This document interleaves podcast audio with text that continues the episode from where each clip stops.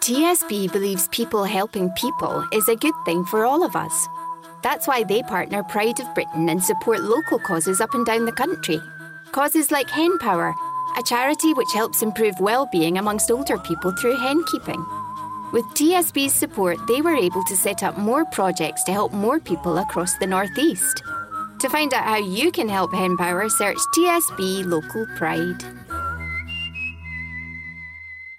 Milyon liralık bir işi 21B'ye göre yaptırdığınızda 45 milyon liraya yaparım diyen bir şirket bu ihale saydam, rekabetçi, olması gerektiği gibi açık bir ihaleyle yapıldığında bu kez 40 milyon liraya yaparım diyor. Bu aradaki 5 milyon lira fark devletin tasarrufu ya da zararı. Nerede bu 5 milyon lira ve niye böyle oluyor? Şimdi e, bu olaylar olup bittikten sonra e, kamu ihale yasasında bir dizi değişiklik yapıldı. Bunların başında da kurumun gazete haberlerini ihbar kabul ederek resen inceleme yapma yetkisi budandı. Haber podcastle buluştu. Kısa Dalga yayında. Bizi Kısa Dalga Net ve podcast platformlarından dinleyebilirsiniz. Bizlerin alın teri olan, emeğimiz olan, ödediğimiz vergilerden oluşan bütçenin ve kamu kaynakları nasıl böyle pervasızca, fütursuzca, usulü çok uygun olmayan bir şekilde e, dağıtıldığını e, belgelemek ve halkın haber alma hakkı için paylaşmak ve belki de yazılardan çıkararak bir kitap e, formunda e, paylaşmak gerekiyordu. Hepinize çok teşekkür ediyorum. E, Bu alkışlar gazeteci Çiğdem Toker'in yeni çıkan kamu ihalelerinde olağan işler kitabının tanıtımından. Yaptığı küçük konuşmadan sonra aldığı bu alkışlar aslında Çiğdem Toker gibi bir gazeteciye az bile. Çünkü Çiğdem Toker yıllardır köşesinde habercilik yapıyor ve bizim paralarımızın nasıl har vurup harman savrulduğunu yazıp çiziyor. Hakkında açılmış astronomik rakamlı davalara rağmen üstelik. Toker yeni kitabında kapalı kapılar ardında yapılan ihaleleri, bazı sevilen firmalara verilen milyar dolarlık işleri, o firmaların siyasetle ilişkilerini ve bütün bu ticaret, siyaset ve din sosuyla yapılan yolsuzluğu yazıyor. Aslında kitapta AKP'nin 16 yıllık ihale sicili var. Elbette pek parlak değil. Böyle söyleyince anlamsız oluyor farkındayız ama sizin cebinizden durduk yere para almaya kalkan birine ne yaparsınız bir an düşünün. Sonra da şunu. Bu ihaleler hep sizin paranızda yapıldı. O çok övünülen yolların, köprülerin parası siyasilerin cebinden değil, sizin, bizim, hepimizin cebinden çıktı. Mesela hepimizin cebinden 2017 yılında alınan 4.8 milyar TL var ki nereye gittiğini kimse bilmiyor. Şimdi farkındayız 4.8 milyar TL'yi düşünmek bile güç. Şöyle anlatalım o zaman. Ortalama 300 bin TL'lik bir ev düşünün. İşte onlardan 15 bin taneye yakın ev alabiliyorsunuz. Öyle bir paradan bahsediyoruz. Yani hizmet ediyoruz diyenler kendi ceplerinden değil bizim cebimizden harcıyorlar ve daha da fenası bol keseden dağıtarak. Çiğdem Toker'le yeni kitabını kısa dalga için konuştuk. Ben Nazan Özcan. Bizi Kısa Dalga Net ve podcast platformlarından dinleyebilirsiniz.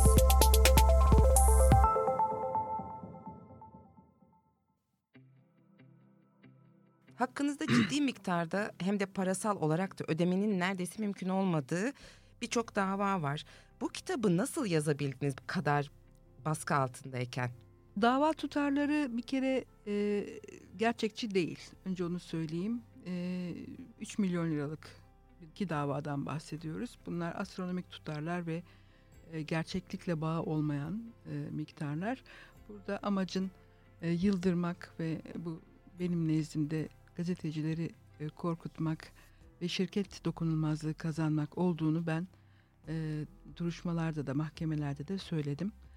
E, dolayısıyla o anlamda bir baskı hissetmedim üzerimde.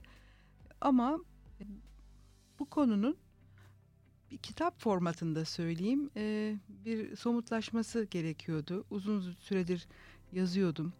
E, 21B diye kısaca öyle anılan o usuldeki ihaleleri. E, yayıncının da fikriydi ama bunları bir arka planla birlikte, e, siyasi arka planla birlikte e, vermenin iyi olacağını düşündük. E, bir gazeteciliğin gereği olarak. Yani aslında öyle baktım. Yani ortada bir kitap var ama bu kitap bir gazetecilik çalışması. Siyasi arka plan dediniz. Ee, kaç yılı aldınız kitapta yazarken? Ee, ve ne tür bir siyasi arka planla karşılaştınız? Şöyle bir milat var. E, kamu ihale kanunu e, 2003 yılının başında yürürlüğe giriyor. Bir önceki yıl e, mecliste görüşülüyor ama yürürlük tarihi olarak 2003 başı veriliyor. Burada şöyle bir e, özellik var. 2001 krizi ağır tahribata yol açtı. E, zaten işte Adalet ve Kalkınma Partisi'nin iktidara gelişi de e, bazı partilerin baraj altında kalması filan da böyle bir sürü sonucu oldu 2001 krizinin. E, kamu ihale kanunu da bu krizin ardından e, işte saydamlık, hesap verilebilirlik gibi uluslararası e, standartlara e, uygun olması, Avrupa Birliği müktesebatına uygun olması e, amacıyla yola çıkılarak hazırlanmış bir yasa. Ve aslında çıkarıldığında ideale yakın bir e, yasa, ilkeler açısından, prensipler açısından. E, aynı dönemde şu andaki iktidar seçimden sonra kuruluyor, başa geliyor. E, dolayısıyla burada böyle bir zamansal, e, takvimsel bir çakışma var. Şimdi o tarihten bu tarafa baktığımızda da kamu ihale yasası 200'e yakın değişiklik, istisnaların kocaman alfabenin harflerini bitirecek şekilde uzaması, istisnaların neredeyse kurala dönüştüğü ve olağanüstü durumlarda kullanılması gereken bir usulün de e, kitaba da adını adına ilham verecek şekilde olağanlaştığı e, bir süreç e, yaşandı. E, o zamandan bu tarafa da aynı e, parti tarafından yönetiliyor bu ülke. Dolayısıyla e, bu yasa üzerinde yapılan değişiklikler ama değişiklik demek de tabii anlatmıyor bir şey. Tahribat aslında. Yani bütçe üzerinde ve kamu alımlarında e, bir tahribat e, yaşandığı ve yaşanmakta. E, o değişiklikleri e, esas aldık. Bunu kullanan da hep AKP oluyor anladığım evet, kadarıyla. Evet, evet öyle. Evet öyle. E, 2006 e, kitapta aslında ayrıntısıyla anlatıyorum. E, bir Ali Dibo diye anılan bir olay var. O isimle geçen öyle enteresan bir isimle özdeşleşmiş bir e, ihale yolsuzlukları dizisi var. Meslektaşımız Şükrü Küçük Şahin'in Hürriyet'te o dönem gündeme taşıdığı bir konu. E, orada aslında ilk başlıyor bu olay. Yani ba- başlıyor dediğimiz şey şu. O olay şöyle bir milat oluyor. Ondan sonra kamu ihale yasasında bir dizi köklü değişiklikler başlıyor. Peki o Ali Dibo'yu birazcık hatırlatır mısınız bize? Hatay'da e, yaşamış döneminde de e, itibar gören saygın bir tüccar, e, bir eşraf. E, onun adıyla anılmasının da başka başka sebepleri var. Yani işte bonkörlük, bir şeyleri dağıtma filan böyle giderek anlam kaymasına uğrayarak ihale yolsuzluklarına dönüşü vermiş. Yani kullanına kullanına öyle söylüyorlar. Ben anlatanların aktarıcısıyım. E, orada e, Ankara'dan parti yetkililerinin yönlendirmesi ve tavassutuyla diyelim eski tabirle e, ihalelerin e, partililere e, gittiğinin belgeleriyle birlikte yazdı meslektaşımız. O dönem bir dizi yazı yazdı. E, o ses getirdi. Önce herhalde kapatılmaya çalışıldı, küçümsenmeye çalışıldı o miktarlar. Fakat kitapta da bunu anıyorum. Şimdi hayal bile edilemeyecek bir şey oldu. Bu kamu ihale yasası ile beraber o dönem, o yıllarda kurulan ve e, çalışmaya başlayan, faaliyete başlayan kamu ihale kurumu, e, bir gözetim kurumu, bir düzenleyici bir kurum olarak öyle bir işlevi vardı. E, yani benzetmek ne kadar doğru olur ama bir fikir versin diye söylüyorum. Hani savcılık benzeri resen harekete geçebiliyor kendiliğinden. Gazete haberlerini ihbar gibi kabul ederek e, kendiliğinden e, inceleme ve soruşturma başlattı kamu ihale kurumu ve bunlar yine hayal edilemeyecek bir şey. E, resmi gazetede bu sonuçlar üç gün üst üste yayımlandı. Yani nedir? İşte o dönem işte söz konusu ilde gücenmesinler. Şimdi bir illere dönük de hassasiyetler oluyor. E, işte falanca kişinin e, şu alımda işte olmaması gereken şöyle bir kural ihlali olduğu diyor ve işte mesela ilgili bakanlığa yönlendiriyor. İlgili bakanlıkta işte örneğin işte Sağlık Bakanlığı bu konuda soruşturma yapsın diye öneride bulunuyor Kamu İhale Kurumu. Şimdi e, bu olaylar olup bittikten sonra e, kamu ihale yasasında bir dizi değişiklik yapıldı. Bunların başında da kurumun şimdi anlattığım gazete haberlerini ihbar kabul ederek resen inceleme yapma yetkisi budandı. Bizi Kısa Dalga Net ve podcast platformlarından dinleyebilirsiniz.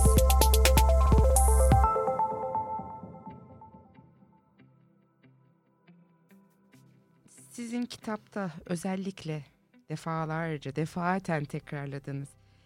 21B maddesi. Allah aşkına nedir bu 21B maddesi? Şöyle kamu ihale yasasının 21. maddesi pazarlık usulü başlığını taşıyor. Pazarlık usulü de ihalenin bir türü yani de, devlet dediğiniz şey sonuç olarak faaliyetlerini yürütmek için e, hizmet satın almak zorunda, mal satın almak zorunda, bina, köprü, baraj, e, altyapı yatırımlarını yaptırmak zorunda. E, bunun için de dışarıdan özel sektörden, şirketlerden, kişilerden, kurumlardan, işletmelerden de bunları satın almak durumunda. Hepsini kendi başına yapamayacağına göre. Bunların tamamına kamu alımları deniyor. Mal alım işte işte kömür alıyorsun, erzak alıyorsun e, ya da işte özel güvenlik hizmeti satın alıyorsun, temizlik hizmeti satın alıyorsun. Bu da hizmet. Ya da işte bir yere bir yol yaptırıyorsun. E, o da yapım işleri. E, bunların da usulleri var. Aslında ideal olan açık ihale yöntemi. E, yani kimlerin katılacağı belli, koşullar belli. Duyuruyorsunuz, ilan ediyorsunuz e, pazarlık usulü belli koşullar altında e, açık yapılmamasına müsaade edilen öyle söyleyeyim. Yani kanun koyucu, kanun koyucu dediğimizde o zamanın yasama organı e, belli şartlar altında kamu otoritesine işte bu karayolları genel müdürlüğü olabilir, askeri olabilir, Sağlık Bakanlığı olabilir. Yani aklınıza gelebilecek her türlü yatırım yapabilecek kamu kuruluşu olabilir. Belli şartlar altında sen açık ihale kurallarına uymadan o mal, hizmet ve yapımı pazarlıkla yapabilirsin diyor aslında. E, bu çıkan kanunda var. B fıkrası ise bu B fıkraya karşılık geliyor. E, olağanüstü durumlarda e, yapılan pazarlık usulünü ifade ediyor. Yani diyelim ki hep aynı örneği veriyorum ama bu çok tipik bir örnek. Mesela bir deprem, bir heyelan, yol kayıyor. O yol artık kullanılamaz hale geliyor. Şimdi biz bizler oradan geçmek zorundayız. O yolu kullanmak zorundayız. Kamu hizmeti aksamasın diye açık açık ihale yerine pazarlıkla sen bunu hızlıca tamamlayabilirsin demek istiyor aslında. Hızlıca nasıl tamamlanır? İlan sürelerine uymuyorsun. E, üç tane firma çağırıyorsun kamu kurumu olarak. E, ya da işte yine benzer bir işte afet diyor, salgın hastalık diyor.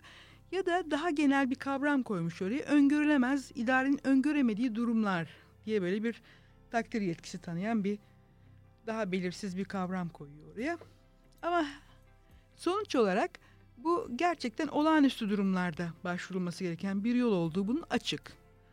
Ee, odaklandığım ve kitaba da vesile olan mesele şudur ki son yıllarda bu çok ciddi bir artış gösterdi 21B ile.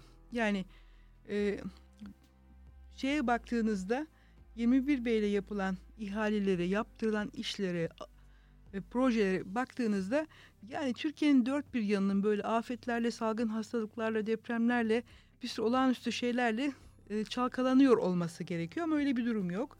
Dolayısıyla burada yolunda gitmeyen, e, kamu yararına aykırı, e, bütçeye de zarar veren e, bir durum olduğu da açık. E, saklanıyor. Bu saklanmasını da rahatsız edici buluyorum. E, gazeteci olarak tabii yani. O yüzden e, ne kadar 21 B ile pazarlık usulüyle büyük ihale yapıldıysa ki bunlar çok büyük büyük tutarlar. Yani yüzlerce milyon liralardan bahsediyoruz. Birkaç tane örnek vermeniz mümkün mü? Yani şöyle işte bir yol e, işte Karadeniz'de, Orta Anadolu'da, e, Doğu'da, Batı'da yani yurdun değişik yerlerinde yol ihaleleri yapılıyor bunlar. 21 B ile yapılıyor. Şimdi onları listeye baktığınızda kitabın arkasında bir liste var. Gerçekten e, baktığınızda hani zeminle ilgili doğal afeti çağrıştırabilecek yerler, bölgeler ve durumlar olabilir. Ama bunlar gerçekten sayıca azlar. Tekil özellik taşıyorlar.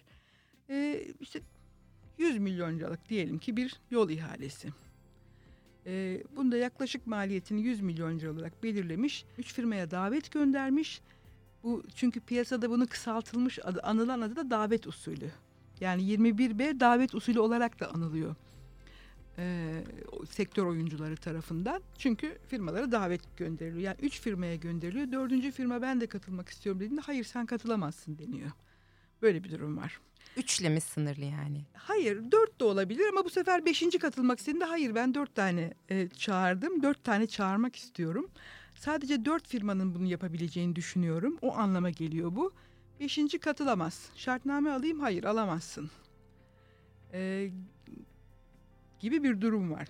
Bu yargıya da taşınmış. İşte diyelim ki Karadeniz bölgesinde bir ilçeliği ile bağlayan bir yol diyelim ki. O yol işte 50 milyon liraya e, yapılabilir diye bir maliyet çıkarıyor idare.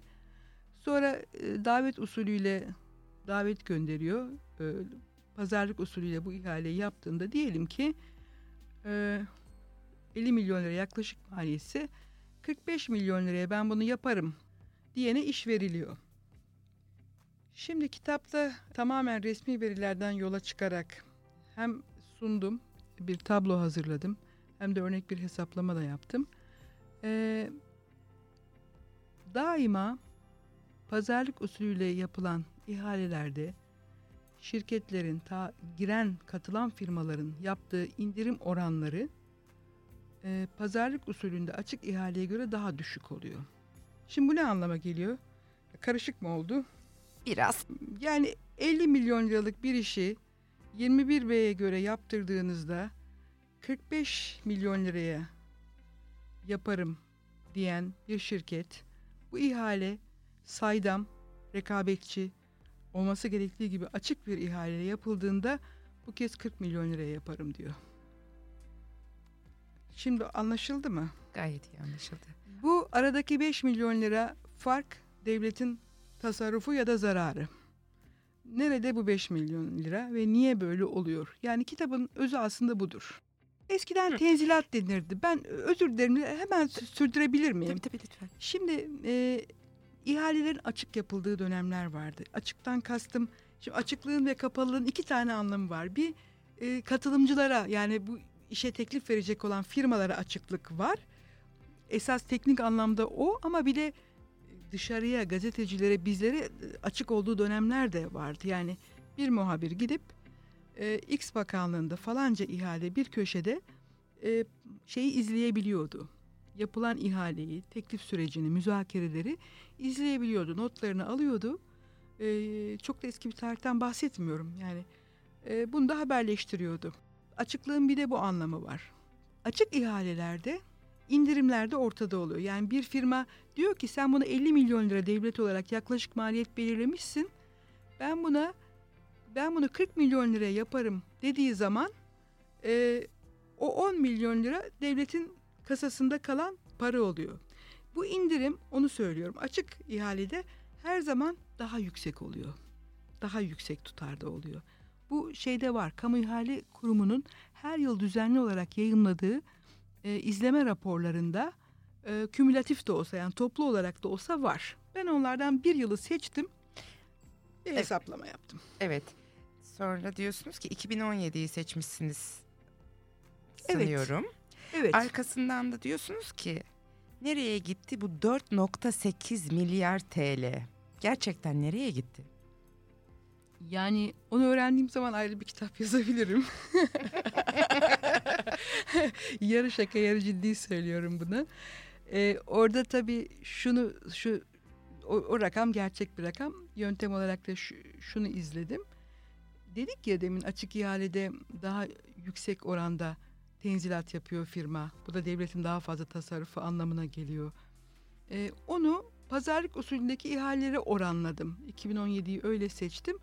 Bu kadar bir fark çıkıyor. Yani devletin o yıl yaptığı bütün ihaleler üzerine yapılmış bir oranlama o. Ben bunların e, kamu yararı açısından sorgulanması gerektiğini düşündüm. Kamu yararı da öyle şey değil yani e, çok da teknik bir kavram değil. Biz burada şimdi çalışıyoruz değil mi? Siz çalışıyorsunuz. Ben de size eşlik ediyorum. E, yani sonuç olarak küçük de olsa biz vergi yükümlüsüyüz ama daha çok e, yoğun çalışıp daha yüksek vergiler ödeyen, daha düşük ücretler alan milyonlarca insan var bu memlekette. Sonuç olarak iktidarlar dünyanın her yerinde bizlerin parasını harcıyorlar. Biz de bu devlete yurttaşlık bağıyla bağlıyız. Bizlerin parasını harcarken tercihler kullanıyorlar. Ondan sonra işte pazarlık usulünü daha sık kullanıyorlar kullanmamaları gerektiği halde bu, bu, bu kaynaklar bizim kaynaklarımız. Çok... Yani aslında şu mu? Benim cebimden çıkan evet, para. Evet. Bu para bana kalabilirdi. Bu e, 4.8 milyar TL ile çok daha bu ülkede yoksulluk var mesela. Aa, bu yoksulluk var tabii. Bunları harcanabilirdi ya da e, daha eşit koşullarda dağıtılabilirdi. Bu Tabii. mudur? Budur, budur. Bir yandan yani bu paralar daha nerelere nerelere harcanabilirdi? Nerelere harcanabilirdi? Demek de mümkün. Yani e, şimdi mesela basit gibi gören benim çok ağrıma giden bir şey var. Her sene okullar açıldığında e, böyle yalandan demek istiyorum. Bu kelimeyi kullanmak istiyorum. Talimatlar gider velilerden kesinlikle para istenmeyecek diye. Yani böyle bir e, oyundur devam ediyor. E, güya bir talimat gider ama biz biliyoruz ki bütün devlet okullarında e, kayıtlar yapıldığı zaman velilerden para istenir. Gerekçe olarak da gerçekten aslında devletin işi olan, sorumluluk alanında olan işte boya, badana, temizlik, ısınma gibi yani söylerken bile bana utanç verici gelen şeyler için istenir bu e, okul yönetimleri tarafından. Ben ben buna hala inanamıyorum yani gerçekten. E, çok çok da zoruma gidiyor. Yani 3 kuruş, 4 kuruş, 5 kuruş e, paraya çalışan e, asgari ücretli bir sürü insan çoluğunun çocuğunun e, eğitim Eylül ayında zaten onları bir de denkleştirmeye çalışırken bir yandan da e, okullara, devlet okullarına boyası badanası olsun diye para veriyor yani. Şimdi ha, hakikaten bu her senede tekrarlanan bir şeydir. İlk aklıma gelen örnek bu ama yani bir yandan bunu konuşmak hem anlamlıdır bir yandan da beyhude bile olabilir. Çünkü niye beyhude? Hani çok naif de kaçabilir baktığınızda. E, sonuç olarak bütçe bir tercihler demetidir. E, o onu zaten öyle harcıyor yani öyle harcamak istiyor.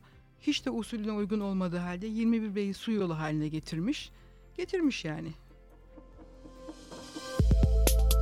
Bizi Kısa Dalga ve podcast platformlarından dinleyebilirsiniz.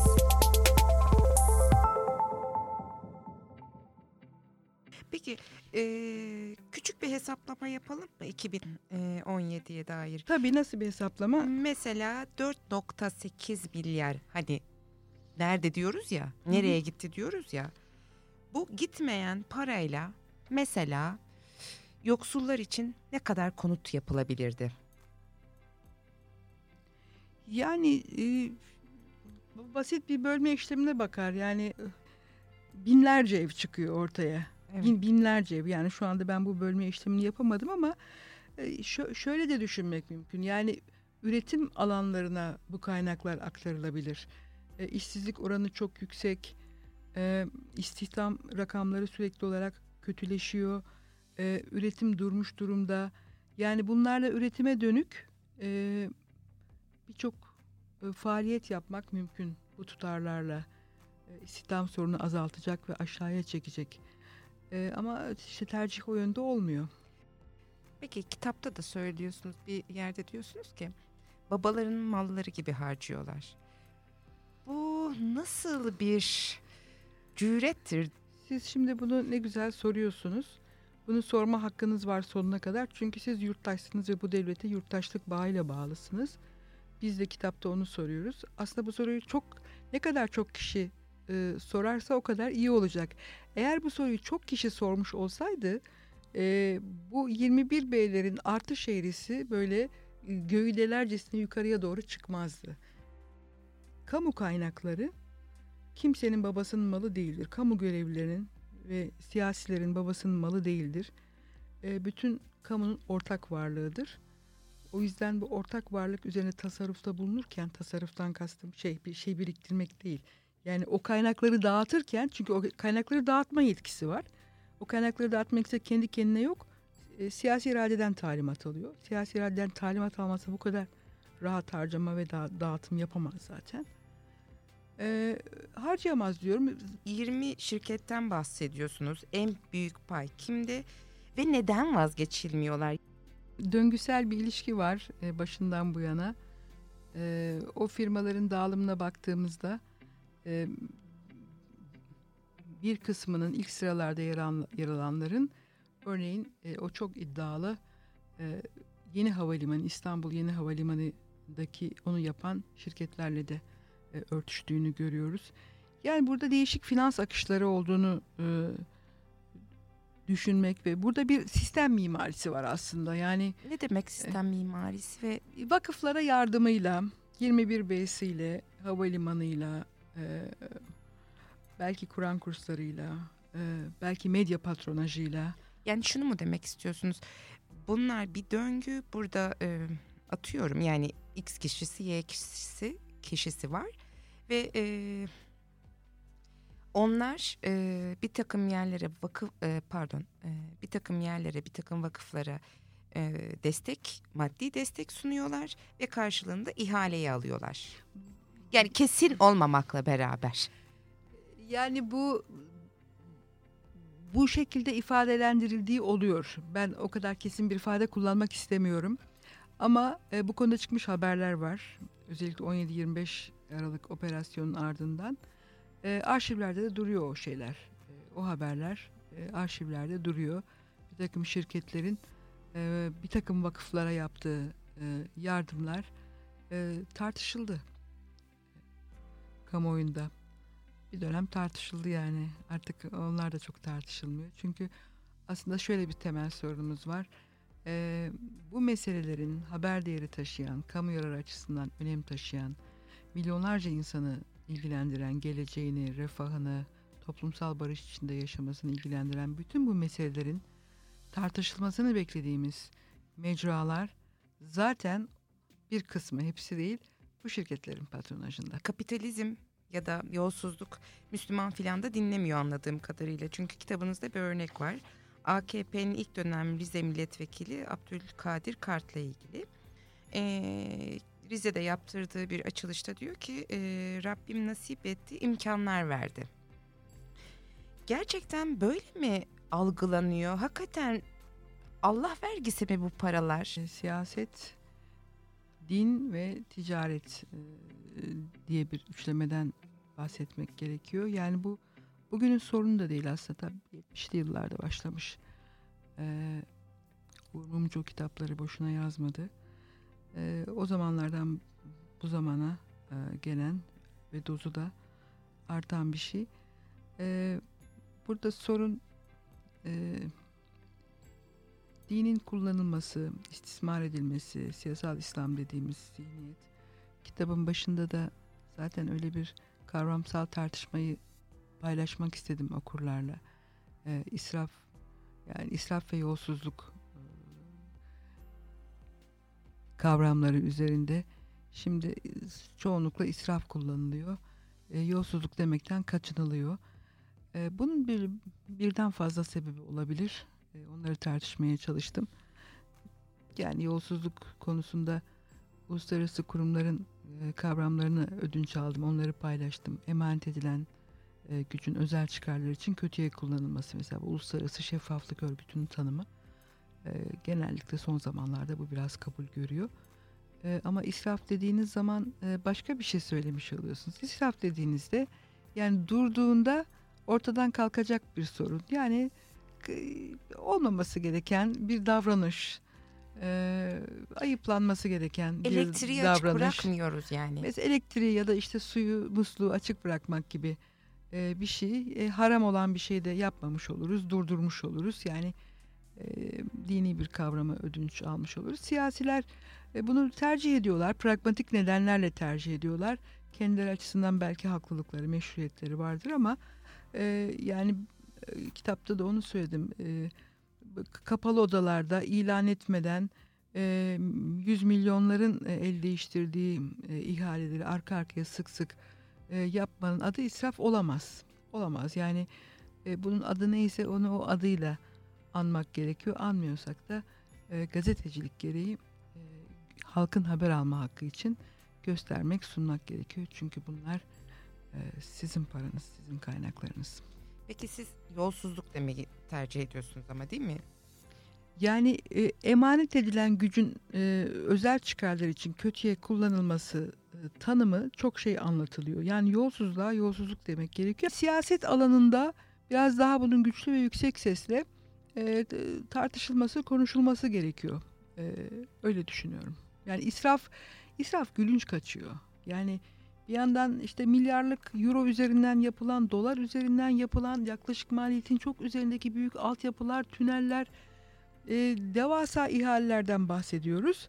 E, havaya savrulan, duran projeler, onun için e, Fransa'dan, Almanya'dan paralar aranıyor. İstanbul Büyükşehir Belediyesi'nde e, büyük büyük tutarlara ihale edilmiş metro hatları için. E, bu, bu israf olabilir mi Allah aşkına? Yani israfla ne alakası var bunun? Neyse bunun adı, e, onun adını koymak gerekiyor ve gereğini de yapmak gerekiyor. Yapmazsanız aksi takdirde bu emanet edilen gücün kötüye kullanılması sonucu e, havaya savrulan, boşa giden kaynaklar katlanarak artacak ve bizlerin, bizim çocuklarımızın, hepimizin e, daha iyi, daha huzurlu, daha doğrusu daha özgür ve mutlu yaşamamızın e, önünde bir engel. Bizi Kısa Dalga Net ve podcast platformlarından dinleyebilirsiniz.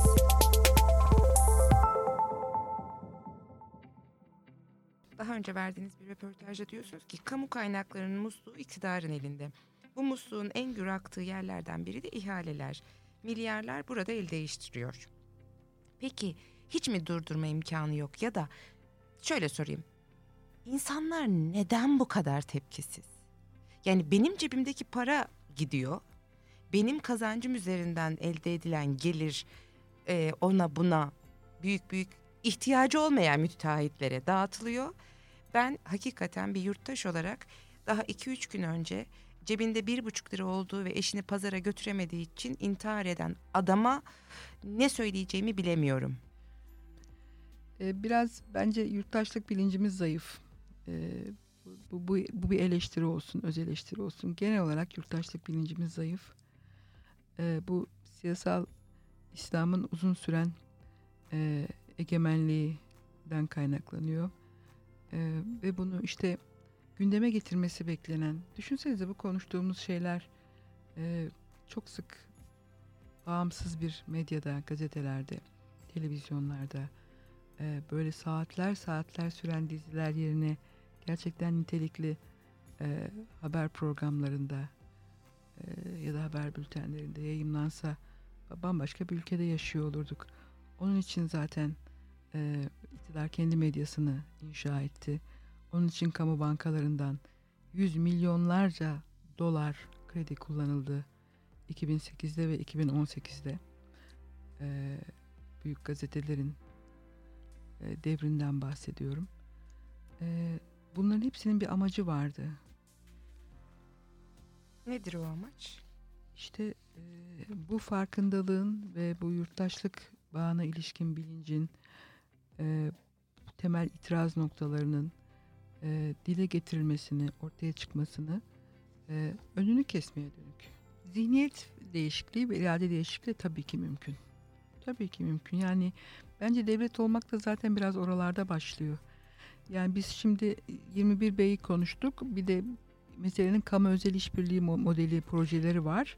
20-25 yıllık büyük projeler, altyapı projeleri. O zaten bu kamu ihale kanun tamamen dışında özel yasalarla yaptırılan şeyler, projeler e, bunlar bayağı bildiğiniz ticari sözleşmeler ve halktan tamamen saklanıyor. Pardon burada şunu sorayım. Milletin cebinden beş kuruş çıkmayan ihaleler bunlar değil mi? Evet evet. Onlar e, işte bu yap işlet devletler, yap kirala devletler, şehir hastaneleri, yap işlet devletlerde ulaştırma projeleri. Bunların işte ikisinin ortak paydası meşhur kamu özel işbirliği e, dediğimiz kam ya da kamu özel ortaklığı dediğimiz e, model korkunç bir dehşet verici. Yani bu konuda da kaç tane yazı yazdım ve yazmakta olduğumu hatırlamıyorum. Yüzlerle ifade edilebilir. E, yani bir sözleşme düşünün ki 25 yıllık bir sözleşme e, döviz üzerinden garantiler veriyorsunuz. E, şehir hastanelerinde ise şirketin kiracısı oluyorsunuz. Bir uyuşmazlık çıkarsa Türkiye'deki mahkemelere götüremiyorsunuz. Çünkü e, o projeye para veren e, bankerler, finansörler e, Londra'daki tahkimi istemişler. Siz de gelmişsiniz burada yasama organında bir torba kanun içine bir madde değişikliğiyle e, uluslararası tahkime yönlendirmişsiniz bu şehir hastanelerinde. Mecliste size gerekçesi sorulduğunda e, bakanlık bürokratlarınız çıkmış demiş ki iktidarın yargıya baskı yapmasından endişe ediyor finansörler demiş. Bu cümleler kurulmuş yani mealen böyle de olsa tutanaklara da geçmiş durumda. E, her partiden çok daha doğrusu iktidar partisi dışındaki muhalefet partisi milletvekilleri sayısız milletvekili e, bu sözleşmelerde ne garantiler verdiniz bunları halka açıklayın diye ilgili bakanlıklara işte bu Ulaştırma Bakanlığı olabilir, Sağlık Bakanlığı olabilir e, sorduğunda soru önergeleriyle ticari sır diye cevaplar gelmiş. Yani bir işte kamu kaynakları kimsenin babasının malı değildir siyasilerin ve kamu görevlilerinin derken tam da bunları kastediyoruz aslında. Ne demek ticari sır? Yani ne hakla böyle dersiniz? Gerçekten ne hakla dersiniz? Diyemezsiniz yani. Ticari sır dediğiniz anda ki defalarca verildi bu cevap. O zaman o yoksulluk koşullarında e, sınırında yaşayan e, insanların değil şirketlerin e, çıkarlarını önceliyorsunuz anlamına gelir. Bu çok net yani. Şirketlerin çıkarları bakanlık olarak, kamu olarak sizin için daha önde geliyor vatandaşlarınızın çıkarlarından. Bu o anlama geliyor ama siz bunu dönüp alanlarda milletin cebinden 5 kuruş çıkmayacak diye anlatıyorsunuz. Evet 5 kuruş çıkmıyor ama 5 milyarlar çıkıyor ve çıkacak yani. Bu talan düzeni toparlanabilir mi? Bize faturası olmuştur 17 yıl içinde bu e, ihalelerin zararın ne olduğunu aslında biz şeyden de görüyoruz. İki haneli enflasyonda görüyoruz. iki haneli işsizlikte görüyoruz. Genç işsizlikteki artışta görüyoruz. Buralardan belli aslında ne olup bittiği. İflas eden, kapanan şirketlerde, büyük işletmelerde görüyoruz. Devlet kutsal bir şey değil. Devlet insanların hayatını kolaylaştırmak için var olmuş, ortaya çıkmış bir aygıt ve insanların mutluluğu için, refahı için var olması gereken bir aygıt. Dolayısıyla e, o devleti yöneten, e, o aygıtı kullanan siyasetçilerde, politikacılarda, otoritelerde işte çok fazla e, yetkiyi kullanıyorlar. İşte bunun kimisi adalette, e, kimisi sağlıkta, kimisi e, ekonomide ortaya çıkıyor. Yani birbirine benzemez gibi görünen her şey birbiriyle ilişkili aslında. Peki bir hayal sorusu olacak bu. Ee, dediniz ya nereye gitti o 408 milyar TL bir yıl için 2017. Böyle bir para sizin elinizde olsaydı ne yapardınız? Bence olmasın. Olamazdı zaten. Ee, ya böyle bir hayal kurmadım. Ee, hakikaten kurmadım. Hmm, toplumsal bir şey de olabilir bu. Yani kendinize dair söylemedim bunu. Ne yapardınız o parayla? Dağıtma ya da bunu e, kullanma imkanınız olsaydı e, bir işe yarar şekilde ne olurdu o mesela? Herkesin e, hayal ettiği şeylere ve yeteneklerine uygun e, varoluş biçimlerine varoluş biçimleri gerçekleştirmelerine yardımcı olacak eğitimler almalarını çok isterdim.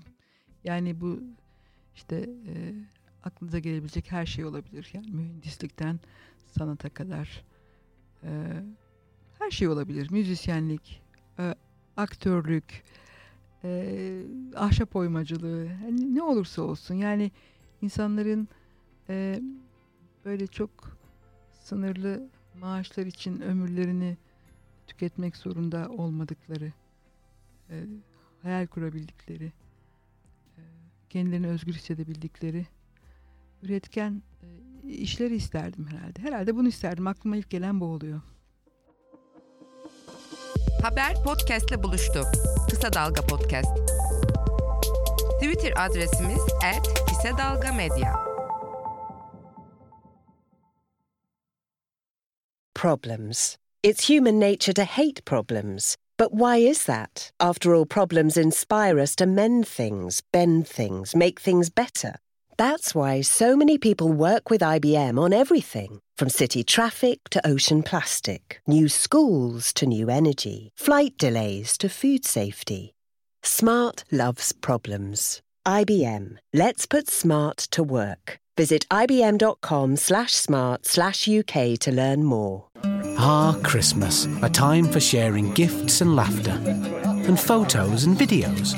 Make the most of it with a SIM only deal packed with data from Tesco Mobile. Like a 10 gig SIM for just £13 a month.